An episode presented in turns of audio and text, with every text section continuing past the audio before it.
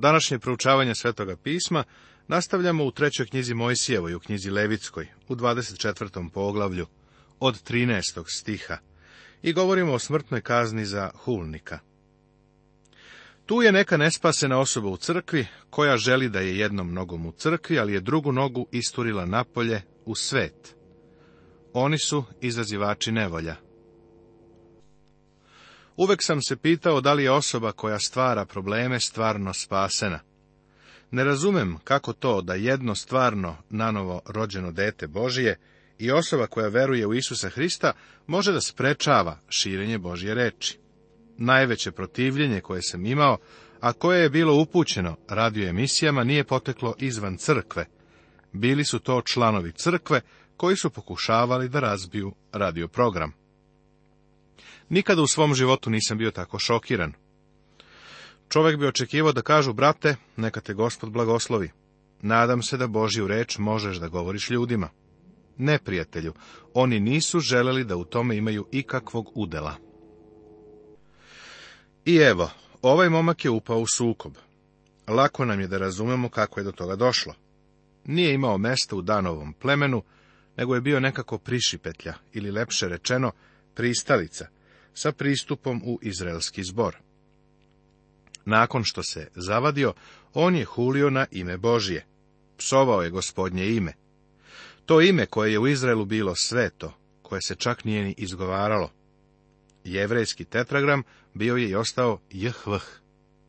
Danas se čak postavlja pitanje kako se izgovara ime gospodnje. Da li je to Jahve ili Jehova Ime je tako sveto da ga Izraelci nisu čak ni izgovarali, ali ovaj hulnik jeste. Bio sam pozvan u jedan privatni klub od strane jednog njegovog člana i tu smo ručali. Čovek za stolom do nas je toliko puta upotrebio ime Božije, koliko ja ne upotrebim ni u toku propovedi. Ali on ga nije koristio kao ja, on je hulio. A Bog o njemu ne misli ništa drugčije nego o onom mešancu iz ove levitske knjige. A gospod reče Mojsiju govoreći, izvedi tog psovača napolje iz okola i neka svi koji su čuli metnu ruku svoju na glavu njegovu i neka ga sav narod zaspe kamenjem. A sinovima Izraeljevim kaže i reci, ko bi god pohulio Boga svojega, nosit će greh svoj. Ko bi ružio ime gospodnje da se pogubi, sav narod da ga zaspe kamenjem, i došljak i domorodac koji bi ružio ime gospodnje, da se pogubi. Bog je doneo presudu o krivici, a kazna je bila smrt. Ozbiljnost prestupa se meri kaznom koju je Bog odredio. Svi koji su čuli da se huli, moraju da na njegovu glavu stave ruke i tako pokažu da krivica pripada samo tom mladiću. Za huljenje Boga tražena je smrtna kazna, a ustanovljeno je da kaznu treba da plate i Izraelac i tuđinac. I ko ubije čoveka da se pogubi? Ako ubije živinče, neka vrati drugo, živinče za živinče. I ko rani bližnjega svoga, kako učini, tako da mu bude. Ulom za ulom, oko za oko, zub za zub. Kako ošteti telo čoveku, onako da mu se učini. Ko ubije živinče, da vrati drugo, ali ko ubije čoveka, da se pogubi. Zakon da vam je jedan, došljako da bude kao rođenom u zemlji, jer sam ja, gospod, Bog vaš. Razvili smo neke blage ideje. Kazna za ubistvo čoveka je ovdje iznesena. Oni koji protestuju protiv rata vole da nose natpise ne ubij. Ja i dalje želim da vidim zastavu i transparent na kome piše ko ubije čoveka, neka se pogubi. Ovdje je ustanovljeno ono što se naziva lex talionis, oko za oko, zub za zub. Bila je to kazna koja se doslovno primjenjivala.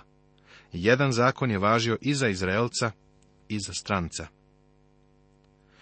I je kaza sinovima Izraeljevim, a oni izvedoše psovača napolje iz okola i zasuše ga kamenjem. I učiniše sinovi Izraeljevi kako gospod zapovedi Mojsiju. Ovde imamo veliku moralnu lekciju. Ime našega Boga je sveto i mora se štititi. Hula je prestup najgore vrste. Također, ljudski život je svet i mora se zaštititi. Bog se stara i za zaštitu lične imovine. Bog je pravedan u svemu što radi. I mi smo također krivi pred Bogom. Duša koja zgreši umreće. Ali Hristos je podneo našu smrtnu presudu. A On bolesti naše nosi i nemoći naše uze nase, a mi mišlja smo da je ranjen, da ga Bog bije i muči. Ali On bi ranjen za naše prestupe, izbijen za naša bezakonja, kar beše na njemu našega mira radi i ranom njegovom mi se isceli smo. Svi mi kao ovce zađo smo, svaki nas se okrenu svojim putem i gospod pusti nanj bezakonja svih nas, kaže knjiga proroka Isaije 53. poglavlje. Poglavlje 25. Tema Zakon u vezi sa obećanom zemljom, subotnja godina, oprosna godina, oslobađanje imovine i osoba. Mojsijevska ekonomija je bila usmjerena ne samo na izraelski narod, nego se odnosila i posebno na palestinsku zemlju. Ovo je istaknuto u ovom poglavlju. Zakoni koji su ovdje dati nisu mogli da se primenjuju sve dok Izrael ne uđe u zemlju Hanan. Te zakone je bilo nemoguće primijeniti na pustinju. Ovde postoji stalno i skoro monotono ponavljanje reči zemlja i pozivanje na nju. Kad dođete u zemlju, neka bude godina odmora zemlji, proglasite slobodu u zemlji. Ovu posljednju rečenicu nalazimo deset puta. Sve u ovom poglavlju je povezano sa zemljom koju je Bog dao Izraelu. Mojsijevska ekonomija je bila usmerena ka određenom narodu, Izraelu i ka određenoj zemlji, Palestini. Zatim, odnosi se na narod koji se bavi poljoprivredom. Ima onih koji pokušavaju da starozavetni zakon postave kao način života crkve. Prijatelju, ovi zakoni ne odgovaraju Kaliforniji, a neće se uklopiti ni u druge delove Amerike. Proglasite slobodu u zemlji je ugravirano na našem zvonu slobode, na Liberty Bellu u Filadelfiji. Ipak, Uvek treba da imamo na umu ove zakone koji su dati određenom narodu u određenoj zemlji. Čovek ne može da čita treću knjigu Mojsijevu kao ni ostatak Biblije, a da ne primeti ponavljanje broja sedam. Ovo je broj korišćen da bi se ukazalo na potpunost, puninu. On ne govori o savršenstvu u svakom slučaju, ali ukazuje na potpunost, na celovitost. Postoji definitivna veza između mnogih pojavljivanja broja sedam u trećoj knjizi Mojsijevoj sa pojavljivanjem istog broja u Jovanovom otkrivenju. Obe knjige ga koriste na strukturalan način. Vreme je podeljeno na sedmine, i za obične i za obredne kalendare. Tu je i sedmi dan, pa sedma sedmica, pa sedmi mesec, pa sedma godina. Kalendar je bio usko povezan sa subotnim vremenima a levitski kod je delovao na osnovu sedam ciklusa. Ovo se ponovo pojavljuje u knjizi otkrivenja. Bog je počinuo sedmoga dana, ne zato što je bio umoran, nego zato što je za šest dana završio stvaranje i nije bilo više šta da se radi. Subota je načinjena osnovnom jedinicom merenja vremena, a onda od subote pa dalje postojale su sve veće vremenske mere. Pregled Subotnja godina, stihovi od 1. do 7. Oprosna godina, stihovi od 8. do 24. Oslobođenje imovine, stihovi od pet do četiri. Oslobođenje osoba, stihovi od pet do pet. Subotnja godina Još reče gospod Mojsiju na gori Sinajskoj, govoreći, Treba da zapazimo da je ovo vraćanje unazad na goru Sinaj, ali da treba da se primjeni kada uđu u obećenu zemlju. Seti se da je gospod govorio iz šatora od sastanka u trećoj knjizi Mojsijevoj u prvom poglavlju.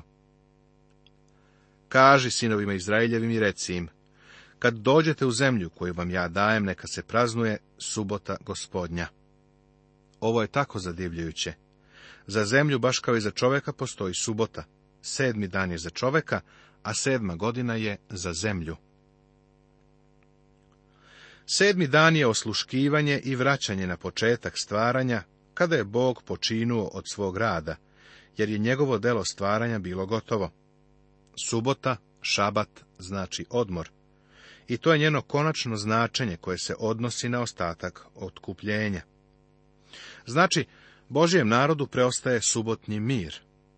Ko naime uđe u njegov mir, taj je počinuo od svojih dela, kao i Bog od svojih. Potrudimo se, dakle, da uđemo u taj mir, da niko ne padne primjerom iste neposlušnosti, kaže poslanica Evrejima u četvrtom poglavlju. Odmor u ovim stihovima doslovno znači držanje subote. U ovom današnjem vremenu savremene poljoprivrede očigledno je da je dobro za zemlju ako se sedme godine ostavi neobrađena. To je također bio i odmor za one koji su obrađivali zemljište, iako su mogli da izmiruju ostale neophodne obaveze. Subotnja godina za zemlju trebalo je da oslobodi Izraelce od grabežljivosti. U stvari baš to kršenje ovog propisa u subotnjoj godini odvelo je Izrael u 70-godišnje ropstvo u Vavilonu, prema drugoj knjizi dnevnika 36. poglavlju. Nisu držali sedmu subotnju godinu u toku 490 godina. Zato su otišli u ropstvo na 70 godina. Šest godina zasijevaj njivu svoju i šest godina reži vinograd svoj i sabiraj rod.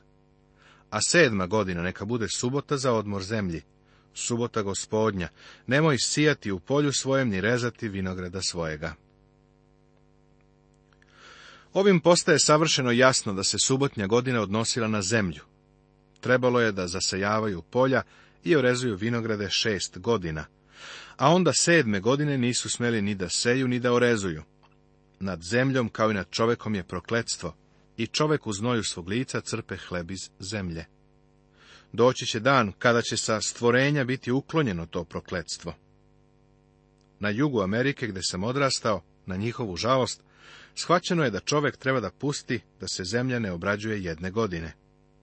Veliki deo zemlje je istrošen sadnjom pamuka svake godine, godinu za godinom. Subotnja godina je u stvari dobar poljoprivredni princip koji je Bog dao. Vrlo je zanimljivo da Bog zna sve o obrađivanju zemlje. Zar ne? što samo od sebe rodi i za žetve tvoje nemoj žeti. I grožđa u vinogradu svojem nerezanom nemoj brati. Neka bude godina odmora zemlji. Ali što rodi zemlja za počivanje svoga, ono neka vam bude hrana, tebi i sluzi tvojemu i sluškinji tvoje, i najamniku tvojemu i ukućaninu tvojemu koji je kod tebe. I stoci tvojoj i svim životinjama što su u tvoje zemlji, sav rod njezin neka bude hrana. Ovo nam pokazuje kako su se zadovoljavale fizičke potrebe ljudi u toku subotnje godine. Zemlja je bila tako plodna da nije bilo neophodno saditi svake godine. U dolini Eufrata u Avramovo vreme uopšte nije bilo potrebno saditi. Žito je raslo bez sadnje i sejanja. Zemlja u Izraelu je proizvodila dovoljno da zadovolji potrebe vlasnika, njegovih slugu i stranaca. Čak je i stoka preživljavala i verovatno se gojila napasanjem na neobrađenoj zemlji. Bog je brinuo i za ljude i za životinje, za Izraelce i tuđince, za bogate i siromašne u toku te godine odmora. Svima je dato dovoljno za hranu, međutim nisu mogli da žanju i nose na prodaju. Pre dosta godina, pre nego što su napravljene podele blizu grada Pasadene, bilo je mnogo divnih vinograda. Imao sam vrlo finog komšiju koji imao divan vinograd. On je bio darežljiv čovek, stalno mi je u sezoni donosio po korpu dve grožđa. Bio je adventista sedmog dana i u to vreme se trudio da me ubedi u subotu, u subotnji dan. Pitao me zašto ne držim subotu. Rekao sam mu da je držim, ali u subotu i nedelju i ponedeljak i utorak i svaki dan u sedmici. Trudio sam se da mu objasnim da subota znači odmor, i da smo mi ušli u taj odmor otkupljenja. Počinuli smo od naših dela i pouzdali se u Isusa Hrista, što od svakoga dana čini dan odmora, odmor u Isusu Hristu. Naravno, njemu se to nije sviđalo.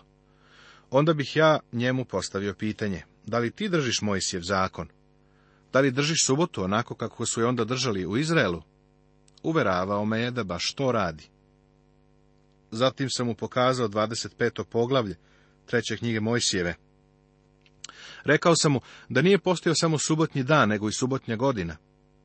Te godine siromašni ljudi mogli su da idu u vinograd i da pabirče grožđe. Rekao sam mu da me obavesti kada bude držao subotnju godinu, da tada donesem korpe i na pabirčim njegovog grožđa.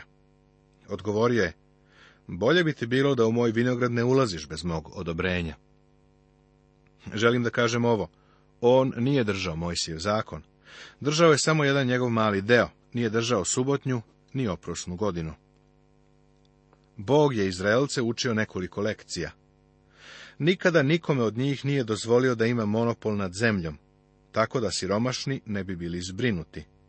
Bog je štitio zemlju i siromašne ljude istovremeno. Također ih je učio da je zemlja prokleta, ali da će doći vreme kada će zemlja rađati u izobilju. Danas ljudi brinu o eksploziji populacije, nemogućnosti zemlje da proizvede dovoljno hrane za ljude.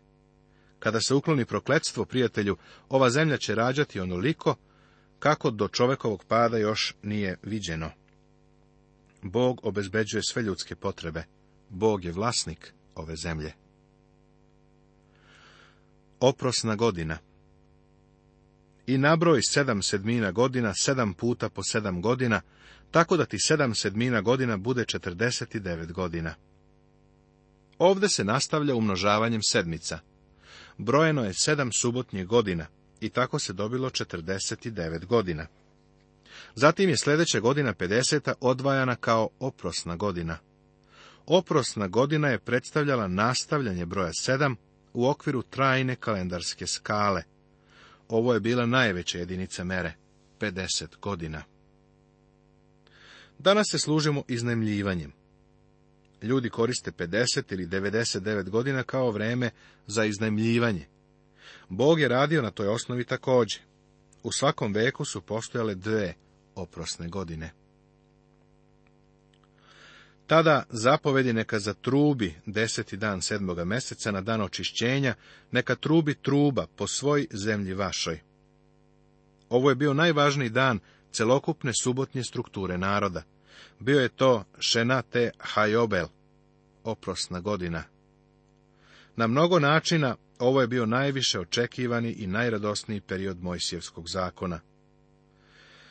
Kerenha Jovnel je rog od ovna, a u vreme Jovnel to je predstavljalo trubu. 21 put je provedeno kao oprosna godina, pet puta kao ovnujski roga, jednom kao truba. Kada se Izrael smestio u zemlji, teško je bilo shvatiti kako je jedno duvanje u trubu moglo da se čuje od dana do Virsaveje. Razumno je zaključiti da je u svakoj naseljenoj oblasti postojalo simultano duvanje u ovnujski rog, da bi se objavila oprosna godina. Mislim da je počinjalo kod šatora od sastanka ili kod hrama. Neko bi bio postavljen dovoljno daleko da čuje taj zvuk i onda bi taj trubni znak bio pronošen po zemlji sve do njenog kraja. I posvetite godinu 50. i proglasite slobodu u zemlji svima koji žive u njoj. To neka vam je oprosna godina. I tada se vratite svaki na svoju baštinu i svaki u rod svoj vratite se. U to vreme ljudi su mogli da založe zemlju, da je daju u hipoteku, ali u toku oprosne godine zemlja je bivala vraćena prvobitnom vlasniku.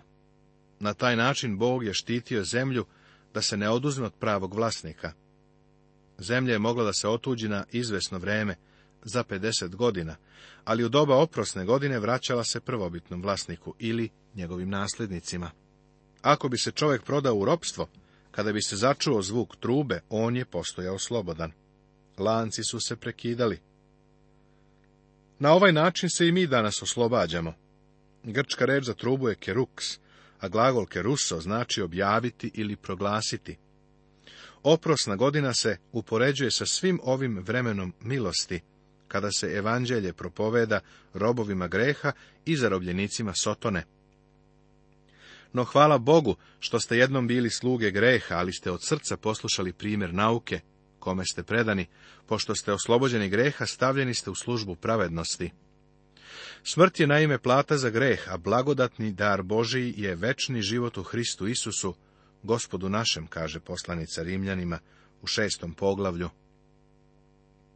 Gospod Isus je u evanđelju po Jovanu u osmom poglavlju rekao, i saznaćete istinu i istina će vas osloboditi. Ako vas dakle sin oslobodi, bit ćete stvarno slobodni. U toku oprosne godine sve je bivalo oslobađeno. Svi zakupi su otkazivani. Kada dođeš Isusu Hristu, prijatelju, pitanje greha se sređuje. On je platio kaznu. Sve je sređeno i ti si slobodan. On te oslobađa. Nastavit će se.